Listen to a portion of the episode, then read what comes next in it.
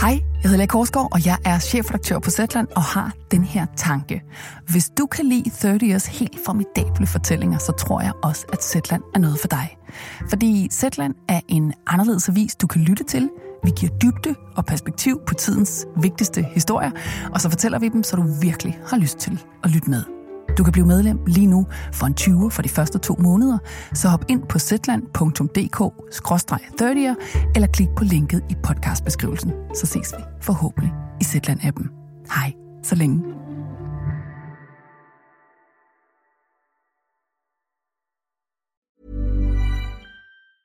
Ever catch yourself eating the same flavorless dinner three days in a row? Dreaming of something better? Well, HelloFresh is your guilt-free dream come true, baby. It's me, Gigi Palmer. Let's wake up those taste buds with hot, juicy pecan-crusted chicken or garlic butter shrimp scampi. Mm. Hello Fresh. Stop dreaming of all the delicious possibilities and dig in at HelloFresh.com. Let's get this dinner party started. A lot can happen in three years, like a chatbot may be your new best friend. But what won't change? Needing health insurance. United Healthcare Tri Term Medical Plans, underwritten by Golden Rule Insurance Company, offer flexible, budget friendly coverage that lasts nearly three years in some states. Learn more at uh1.com. Du lytter til en podcast for Third Ear. Husk, at du kan abonnere på Apple Podcasts, eller hent vores Third Ear Podcast app fra App Store og Google Play, og få tidlig access til nye episoder og mere. Det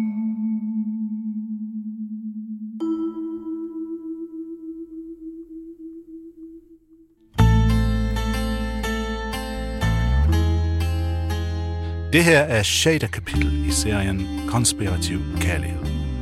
Gå tilbage og lyt til prologen og de første fem kapitler, hvis du ikke har hørt dem endnu. Ellers ved du ikke, at den her serie, som vi har kaldt en spion opera i mange dele, er baseret på 5-6.000 siders hemmeligstemplet Stasi-filer. De omhandler tre Stasi-spioner, som har opereret under den kolde krig. To for Tyskland og en for Danmark. Danskeren har vi ikke hørt om endnu, men i det her kapitel skal vi endelig møde ham. Men for at nå frem til danskeren, skal vi starte med at følge de to tyske agenter lidt længere. Sidste gang efterlod vi Ines, som formentlig var i gang med at høre et par hitmen som en del af en større konspiration mod gangsteren og menneskesmugleren Parasit. Madrid, hans mand, er hjem og passer deres barn, imens Ines får Stasi til at lyve over for Madrid om hans arbejde som Romeo-agent. Fordi hun har sagt, at hun vil gå med til at forføre Parasit i socialismens navn. Hans chefer hos Stasi har ikke fortalt Ines, at de er i gang med at finde ud af, hvordan de kan sætte en bomber under Parasits bil. Deres hotel Hof Rolsdorfer Bæk, stedet hvor de begyndte deres samarbejde, og deres parforhold, er for længst gået ned med flaget, sammen med flere andre af deres restauranter. Dette kapitel begynder med Madrid. Det viser sig, at det er noget andet, han har haft som sidegeschæft, helt tilbage fra starten. Og det er også noget, han gør i samarbejde med Stacy. Noget med våben.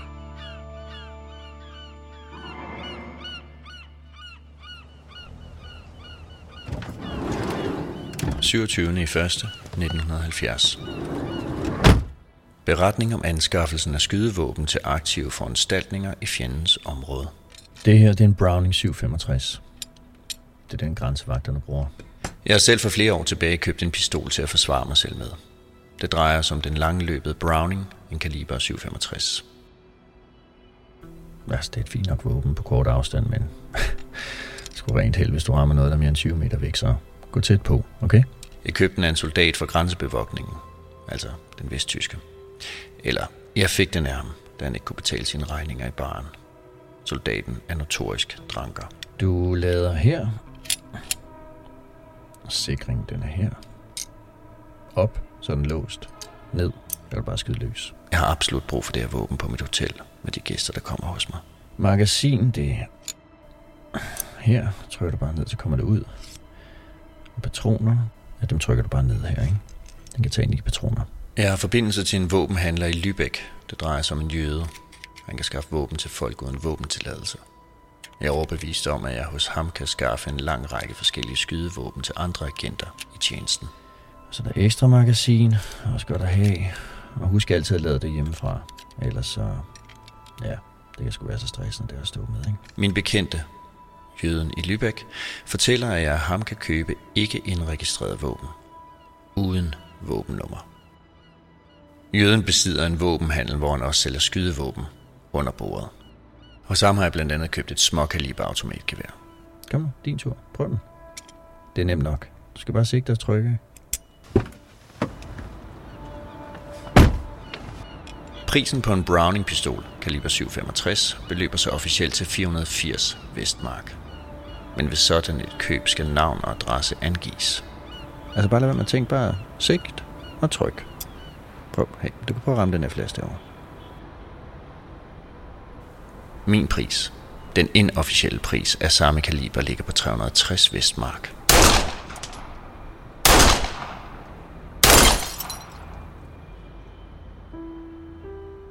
Hej Mia. Hej Christa. Vidste du godt, at Madrid han solgt våben til Stasi? Nej, det vidste jeg ikke, inden du fortalte det til mig. Det står der ikke noget om i Ines rapporter. Det er som om, at tingene er begyndt at blive ret alvorlige for Madrid og Ines her. Ja, Ines er jo på en kæmpe stor opgave, der i den tid, ikke? Den med parasit. Går det godt her? Altså, virker det på dig som om, at det går godt for deres agentkarriere lige nu? Altså, det går åbenbart går det godt i et stykke tid, men så sker der noget, som får det hele til at ligesom briste lidt. IM Madrids beretning om ulykken til Ministeriet for Statssikkerhed. Jeg har været indblandet i en trafikulykke. Jeg blev den 5. i 7. 1973 påkørt af en lastbil. Skylden for ulykken var alene på lastbilchaufføren. I udredning hos sundhedsmyndighederne er det blevet fastslået, at jeg er 35 procent invalideret. Hvilket jeg regner med gør mig kvalificeret til arbejdsløshedsunderstøttelse. Jeg arbejder på at blive pensioneret så hurtigt som muligt. Ja, det er ligesom, altså Madrid er ude for en ulykke. Ikke? Ja. Ja, og det er som om, det også bliver sværere for Ines at opretholde sit spionarbejde med en øh, invalideret mand, et barn. Ja, de begynder at tvivle, om de overhovedet kan stole på dem.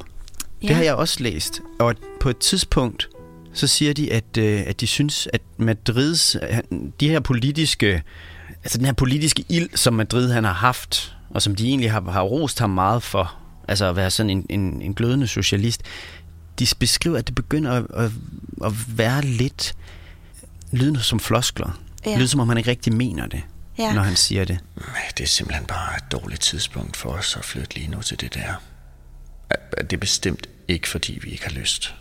Det, det er, er og vil altid være et socialistisk foregangsland. Og selvfølgelig det land, som vi altid vil stræbe efter at leve i. Men med min ulykke og med de skader, jeg har fået, og ja, med den pension, som jeg står til at få her i Vesttyskland, så er det simpelthen ikke det rigtige tidspunkt for os at, at flytte lige nu. Og det samme øh, sker for Ines. Øh, de, de beskylder hende faktisk for at blive lidt småborgerlig, fordi der står noget, i hendes rapporter står der, at hun er begyndt at gå til klaverundervisning fire timer om ugen. Det gør nok meget. Jeg er begyndt at gå til klaverundervisning en gang om ugen i fire timer. Det gør min søn også. Jeg synes, det er meget tilfredsstillende og en meget tiltrængt måde at slappe af på for mig. Lad mig lige se, hvad det er her. Der står udtryk for småborgerlige besiddelsesliv, spørgsmålstegn. Besiddsleben, jeg ved ikke, hvad det hvordan man siger det på dansk. Men så de, de, de tror, at det, at hun går til klaver, kunne være et tegn på, at hun er ved at blive småborgerlig. En småborgerlig materialist. Ja. Ikke? Ja, præcis. På et tidspunkt bliver hun sur på Stasi, Ja. fordi åbenbart så giver de hende nogle dokumenter med, øh, som hun ikke ved noget om, eller noget i den stil, det er ikke helt klart. Men hun siger, at øh, hun har medført et dokument, som hvis hun var blevet anholdt ved grænsen, så ville den have ført til en fuldstændig dekonspiration. Så, så hun blevet afsløret. Så ville hun være blevet afsløret. Og øh, udover det, så stod der åbenbart i det dokument, at Stasi tvivlede på dem. Jeg er meget forarvet over, at det medførte dokument ved en anholdelse kunne have ført til en fuldstændig dekonspiration. Jeg er også fornærmet over, at der i dokumentet dukker spørgsmål op, såsom, hvem har ret? Jeg anser dette som et bevis på ledelsens manglende tillid til mig. Altså, der, der, jeg kan godt se i rapporterne flere gange, at der står, dette øhm, anses som en øhm, hvad hedder det, afsrede. At de virer fra, fra linjen. Ja, at det, at det ikke passer, det de siger. At det, det er som, som en løgn.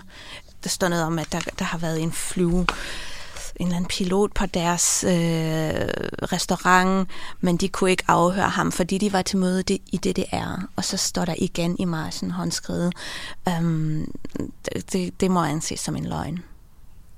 Okay. Og det er ikke meningen i Næs, hun skal læse det selvfølgelig? Nej. Og så ser hun det i en af rapporterne fra Stasi? Ja, åbenbart. Og så bliver hun sur, så går hun til et møde og siger, det er fandme ikke okay, det her. Okay, så det her er et lavpunkt i virkeligheden for, for Madrid og Ines ja. i forhold til Stasi. Ser du det også sådan? Ja, det kan man godt sige, ja. Og det bliver jo faktisk værre endnu. Ja, det gør det. Fordi at parasitopgaven, som er Ines' store opgave, den falder fra hinanden lige her. Ja, den gør. Hvorfor? Hvad er det, der sker der? Ja, altså... Stasi får aldrig fat i parasit, fordi det vesttyske politi gør. Parasit kommer i fængslet i Vesttyskland for noget falsk mønteri, trykket dollars, åbenbart. Falske dollars? Falske dollars. I 1983 er det, at øh, der står, at han er kommet i fængslet. Og det er jo meget heldigt for Parasit egentlig, kan man sige. Nej, fordi i fængslet kan Stasi ikke komme i nærheden af ham. Ja, sandsynligvis ikke. Der er i hvert fald ikke noget, der tyder på, at der er planer om at slå ham ihjel derinde. Nej, det er der ikke, nej. Ved du, hvor Parasit er i dag? Ja, for da jeg var nede i Hamburg, øh, der fandt jeg hans adresse og tog derhen.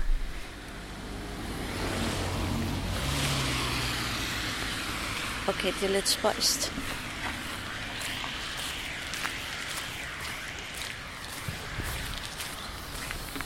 Jeg er lige blevet sat af af en taxa uden for det der måske er parasitshus. Og det, der er lidt specielt, er, at der står sådan nogle små figurer uden for huset. Blandt andet Snevide, og jeg tror Hans og Grete, og øh, den onde heks. Og så en kanin. Og, øh... Hans adresse er stadigvæk den samme. Og da jeg stod der, hvor Ines nok har stået mange gange og kigget ind i hans indkørsel, så jeg faktisk en bil, der havde den samme nummerplade, som han havde dengang. Altså en af de nummerplader, som Ines skrev ned. det er hans... Det er en nummerplade fra Hamburg, og så er det Parasits initialer. Fornavn første bogstav er fornavn, første bogstav er efternavn. Så det tyder meget på, at han bor der. Det er der, du ringede til mig, kan jeg huske. Altså, ja, jeg ringede til dig, inden jeg ringede på, fordi jeg turde ikke rigtigt. Jeg var så ikke... ringede du, og så tvang jeg dig til at gå derind. ja, du gjorde. Det var det, der skete, ja. ja. Så sagde jeg, det blev du sgu nødt til. Ja. Men vi aftalte også, at du skulle lade din båndoptag ligge i tasken. Ja, fordi jeg vidste ikke, hvordan en parasit ville øh, reagere. Altså, så var jeg faktisk lidt bange, må jeg indrømme. Jeg har lige ringet på hos Parasit. Hans kone åbnede døren, eller hun åbnede faktisk ikke døren helt. Hun åbnede kun sådan en lille sprække. Hun er en ret gammel dame, lidt shaky, og jeg spurgte, om jeg måtte tale med hendes mand, og det sagde hun, det kunne jeg ikke, for han er død. Han døde for et år siden. Hun har ikke fortalt det til nogen. Hun vil være i fred og ro og frygter lidt, at hvis folk finder ud af, at han er død, at de måske vil komme og vil snakke med hende. Hun bekræftede, at han smuglede mennesker over grænsen fra øst til vest, og at han tog penge for det. Hun sagde dog, at der var rigtig mange, der ikke betalte ham, fordi han ville først have pengene. Han sagde altid, at han tager kun penge, hvis det lykkes. Og så siger hun, at der var rigtig mange, der stak af for regningen, efter de var kommet til Vesttyskland. Hun siger også, at han har siddet i fængsel, og hun viste mig, hvor over for deres hus, at der har stået sådan en campingvogn, hvor Stasi-spioner lå med kikkerter og observerede ham. Og det var der i starten af 80'erne, hvor de planlagde et morforsøg på ham. Hun sagde, at der blev skrevet rigtig mange løgnhistorier om ham, blandt andet, at han havde andre kvinder. Der blev trykt billeder af, af elskerinden i, i et eller andet blad. Hun bekræftede også, at en af hendes gode venner havde som opgave at dræbe ham i øh, Bolivia, tror jeg. Eller et sted i Syd- Sydamerika i hvert fald. Men han gjorde det ikke. Men de to sad i fængsel bagefter, Parasit og den, hans gode ven. Og der fortalte vennen så, at han havde haft som opgave at tage livet af ham. Og vennen, som undskyldning gav vennen ham en, øh, en bil, en brugt bil, da de kom ud igen. Men hun vidste ikke noget, øh, hun vidste ikke noget til Ines. Hun ville ikke tale på bånd. Det ville han heller ikke have gjort, sagde hun.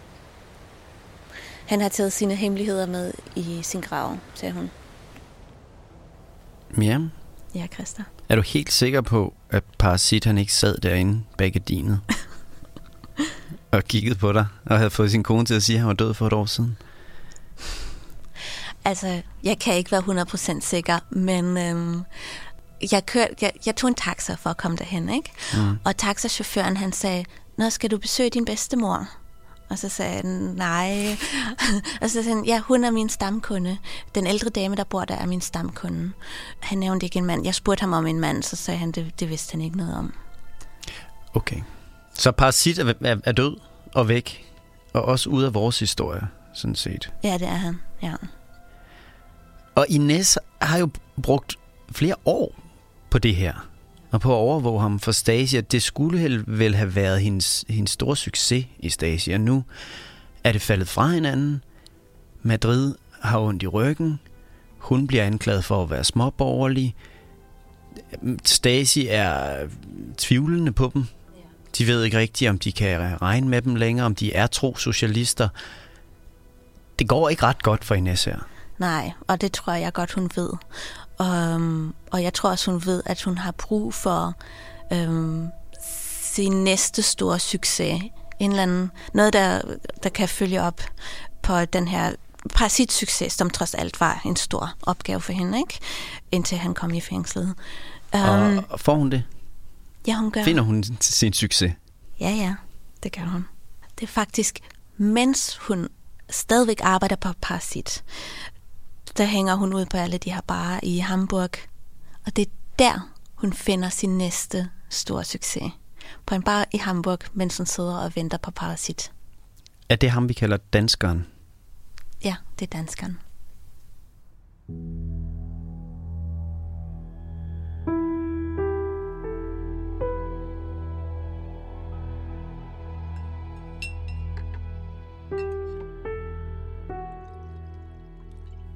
Hun spiller ikke tiden, mens hun venter på Parasit. En aften på en restaurant ved havnen ser hun en gruppe mænd ved et bord. De drikker, de griner, de har det sjovt. De er danskere. Og selvfølgelig falder Ines på et tidspunkt i snak med dem. En af danskerne snakker Ines særlig godt med. Han er tydeligvis chefen, eksportmanager for et dansk byggefirma, viser det sig. Enes lærte ham at kende på en restaurant i Hamburg. Jeg lærte ham at kende på en restaurant i Hamburg, da han gennemførte forretningsmæssige fornøjelser med sine ansatte. Om personen. Han er på nuværende tidspunkt aktiv som eksportmanager for APS, Dansk Byggerieksport og Rådgivning, og vedligeholder forretningsforbindelser til landene USA, England, Frankrig, BRD og Vestberlin. Han har forretningsforbindelser i Aarhus, Danmark, Aalborg, Danmark og Bad Segeberg, Tyskland. Oh, virkelig? Interessant. I aften er eksportmanageren og hans medarbejdere så taget til Hamburg for at slå sig lidt løs efter en lang og anstrengende arbejdsuge. I sin egenskab som eksportmanager handler han blandt andet med følgende artikler. Salg af fly, Nå, hospitalsindretning, Så fortæller han, at han ikke altid har været eksportmanager. han var efter egne angivelser pilot indtil 1973 i det danske forsvar. pilot i det danske forsvar, Har du været pilot? En pilot i det danske forsvar. Nå, spændende. Grundet sit tidligere tilhørsforhold til det danske forsvar, havde han indtil for to år siden forbud mod at rejse i alle Østbloklande. Da karenstiden er udløbet, vil han gøre et forsøg på, gennem messen i Leipzig, også at indlede forretningsforbindelser til Østbloklandene. Efter hans mening kan han gøre gode forretninger der, Nå, Udover det operativt interessante ved manden, er der også noget andet, Ines rigtig godt kan lide ved danskeren. danskeren er gift og har to børn. Han ligger på nuværende tidspunkt i skilsmisse. Han er ældre end Ines, men en del yngre end Madrid. Ines bliver siddende længe sammen med sin nye bekendte fra Danmark. Hans finansielle situation skulle være god. Blandt andet besidder han en jagt, der ligger for anker i Danmark. Derudover har han et pas med varigt visum til USA.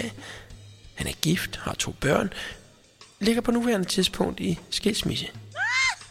Jeg ved ikke, hvad tid Ines kommer hjem til Madrid og sønnen den aften. Eller om hun overhovedet kommer hjem den aften. Jeg ved bare, at der efter denne aften bliver skrevet i Ines Stasi-filer, at Efter dette tidspunkt indledtes også et tæt fælles forhold mellem de to. Stasi er begejstret. De er meget interesseret i danskeren. Fortsat forholdet til ham, siger de. Ines skal først og fremmest kontinuerligt og omfattende tappe danskeren for informationer. Han er en stor fisk, danskeren. Ja, det er han.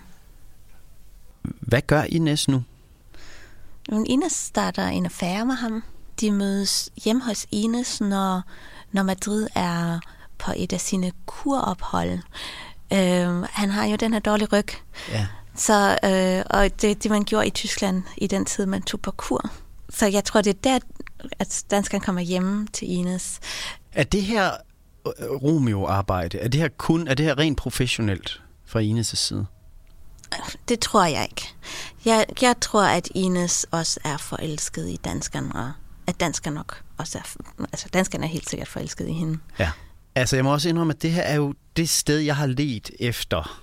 Eller det, sted, det her er det sted, jeg har glædet mig til, at vi skulle komme til i den her historie.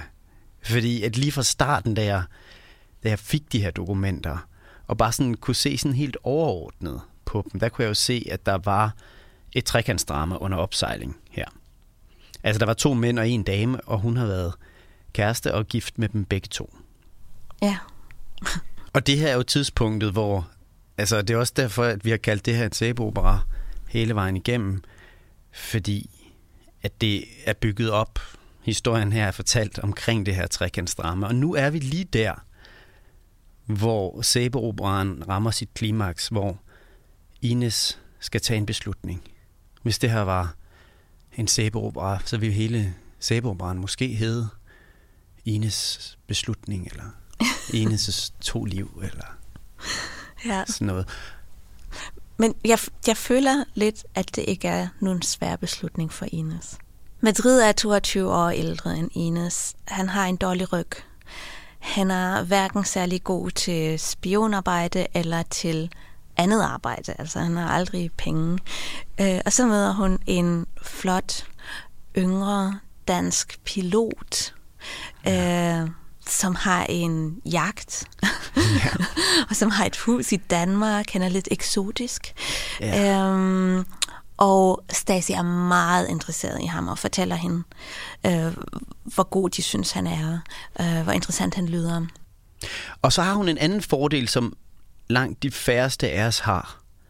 Og det er, at hun har Stasi, der kan hjælpe med ligesom at få Madrid til ikke at være et problem bagefter. Hvis vi andre skal gå fra en kæreste, så skal vi også dele med hende eller ham bagefter, typisk. Ikke? Altså så skal vi i hvert fald lige sådan samle op på dem bagefter, og kan også jo risikere at rende ind i dem øh, på gaden og den slags. Det problem har Ines ikke, for det har hun Stasi til at tage sig af. Det er en sådan ret unik position at have, vil jeg sige. Prøv at høre her. Mødeberetningen af major Hans Kusche og mødet med agent IM Madrid den 4. i 5. 1983, Berlin. Hans Kusche har været både Madrids og Ines' føringsofficer igennem mange år på det her tidspunkt. Han kender dem begge to godt. Agent IM Madrid møder punktligt til aftalt tid. Der var ingen komplikationer på rejsen.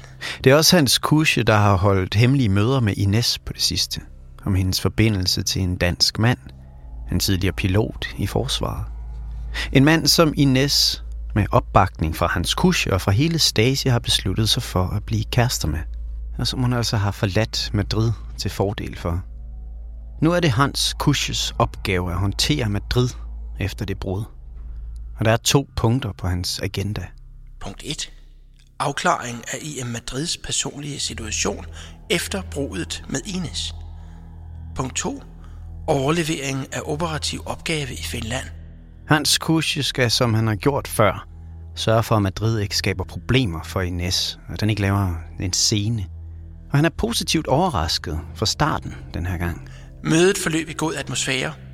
Omstændighederne taget i betragtning efterlader Madrid et åbent, ærligt og klarsynet indtryk. Den ellers så opfarende Madrid er rolig og fattet. I hvert fald på overfladen. Til min personlige situation kan siges, at Ines og jeg går fra hinanden med gensidig positiv forståelse og respekt, og der optræder herved overhovedet ingen negative følelser fra min side i forhold til brudet. Hans Kusche skal også finde ud af, hvad Madrid ved om Ines og hendes nye kæreste. Af samtalen fremgår det også, at han på ingen måde har kendskab til, at Ines arbejder på at overtale hendes nye livsledsager til at arbejde for vores tjeneste. Madrid ved godt, at Ines er gået fra ham til fordel for en anden mand, men han må altså ikke vide noget om, at hun er i gang med at få den anden mand til at arbejde for Stasi. Stasi er tydeligvis bange for, hvad Madrid vil gøre, hvis han vidste det. At han ikke kan holde sin mund. Eller at han vil gøre noget for at ødelægge det for Ines. En jaloux ægtemand med et knust hjerte kan være farlig. Jeg er positivt indstillet. Jeg ønsker på grund af min politiske, ideologiske overbevisning for enhver pris at fortsætte samarbejdet med tjenesten.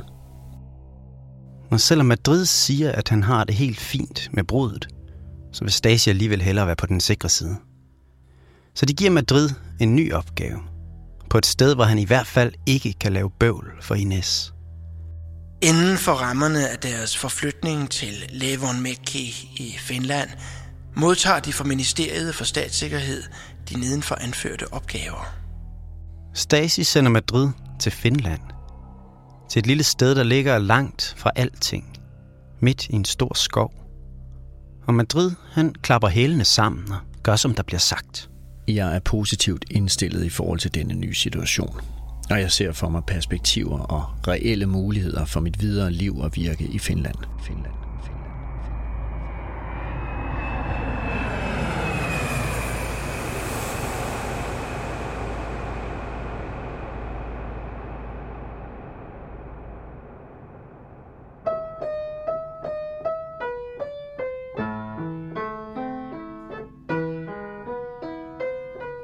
Er hjemme. Klokken er lidt i 10 om aftenen. Drengen sover. Så ringer telefonen.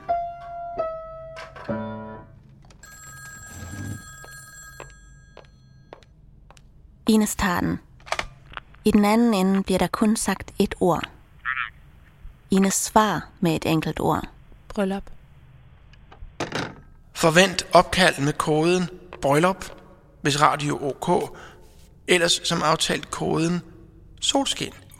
Ines skænker sig et glas rødvin og sætter sig i lænestolen i sin stue.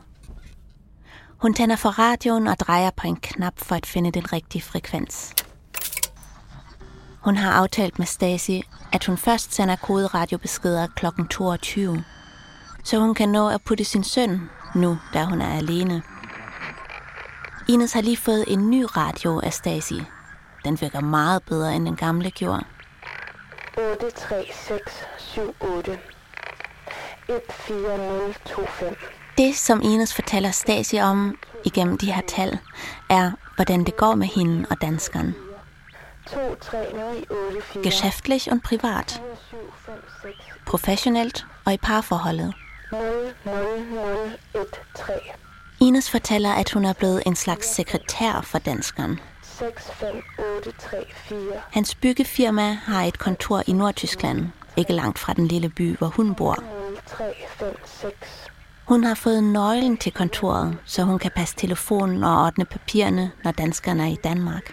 I alle, I alle personlige og forretningsmæssige anlægner tager danskeren mig med på råd. Under hans udlandsophold påviler det mig at klare alle opstående korrespondencer og omstilling af telefonsamtaler mellem danskeren og hans forretningspartnere. Hans forretningspartnere. Danskeren stoler på Ines.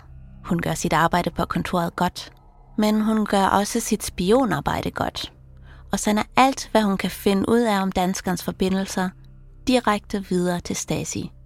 Fra henholdsvis på kontoret til stedeværende dokumenter og omstilling af telefonsamtaler og forretningsmøder, fandt jeg indtil videre ud af følgende. Ines styrer også danskernes kalender.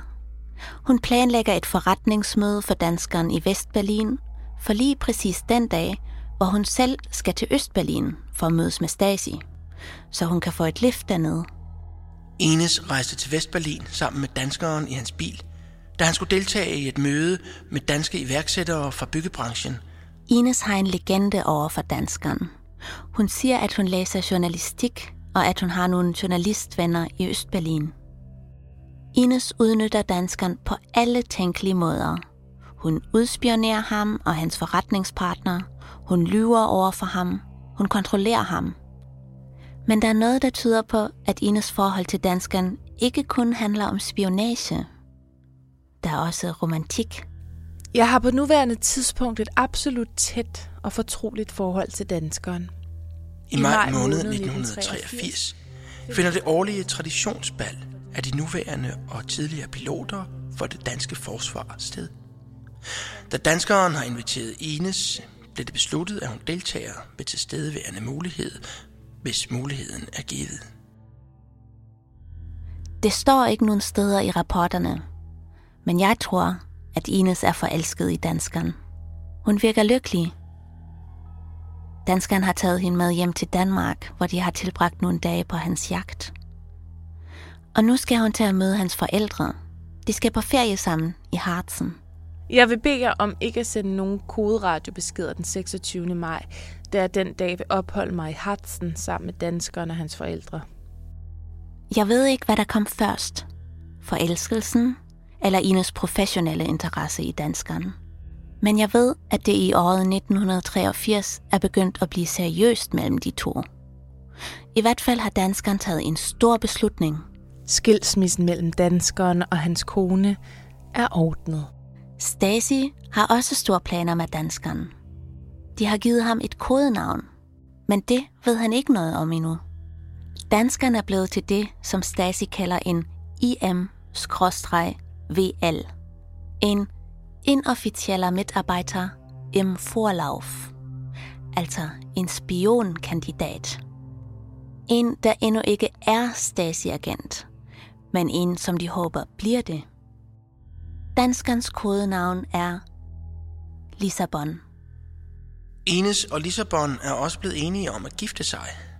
Lissabon og jeg er blevet enige om, at vi vil giftes, når jeg er blevet skilt fra Madrid.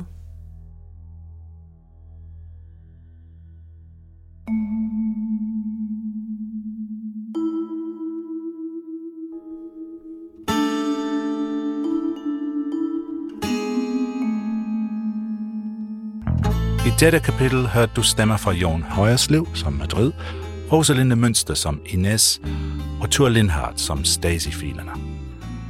Dette kapitel af serien var skrevet og fortalt af Christa Molsen og Miriam Arns. Storyline i serien er af Christa og mig, jeg hedder Tim Hinman, Og jeg har også stået for studioproduktion, klip, lyd, studieoptagelser og musik sammen med Frederik Nielbo, som også står for alt det med vores webside, vores app og alt muligt andet. Research og interviews til serien er fra Anna Taulow og Clara Geist, som også har oversat dokumenterne. Artwork og illustrationerne til serien er af Anna Sofie Massen. Hvis du lytter til det her på 30's podcast app, eller fordi du har abonneret til vores kanal på Apple Podcasts, tak for din støtte. Og tak fordi du er med til at sikre, at vi kan blive ved med at levere podcast-historier til dig. Besøg vores webside 30.dk for at finde ud af mere om, hvordan du kan få tidlig adgang til alt, hvad vi laver fra nu af. Næste afsnit kommer allerede om en uge, så indtil det, husk nu, at hvis du kunne lide, hvad du har hørt, så send det endelig videre.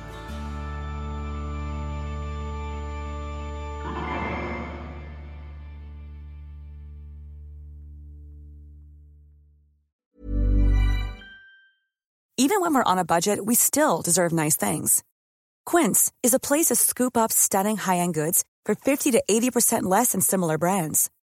They have buttery soft cashmere sweaters starting at $50, luxurious Italian leather bags, and so much more. Plus, Quince only works with factories that use safe, ethical, and responsible manufacturing. Get the high-end goods you'll love without the high price tag with Quince. Go to quince.com slash style for free shipping and 365-day returns. Ever catch yourself eating the same flavorless dinner three days in a row? Dreaming of something better? Well, HelloFresh is your guilt-free dream come true, baby. It's me, Kiki Palmer.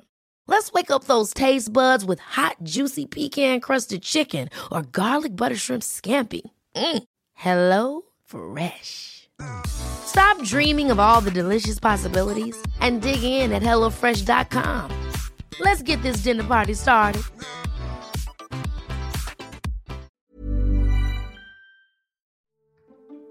Hej, jeg hedder Lea Korsgaard, og jeg er chefredaktør på Zetland og har den her tanke. Hvis du kan lide 30 Years helt formidable fortællinger, så tror jeg også, at Zetland er noget for dig. Fordi Zetland er en anderledes avis, du kan lytte til. Vi giver dybde og perspektiv på tidens vigtigste historier, og så fortæller vi dem, så du virkelig har lyst til at lytte med. Du kan blive medlem lige nu for en 20 for de første to måneder, så hop ind på zland.dk-30'er eller klik på linket i podcastbeskrivelsen. Så ses vi forhåbentlig i Zetland-appen. Hej, så længe.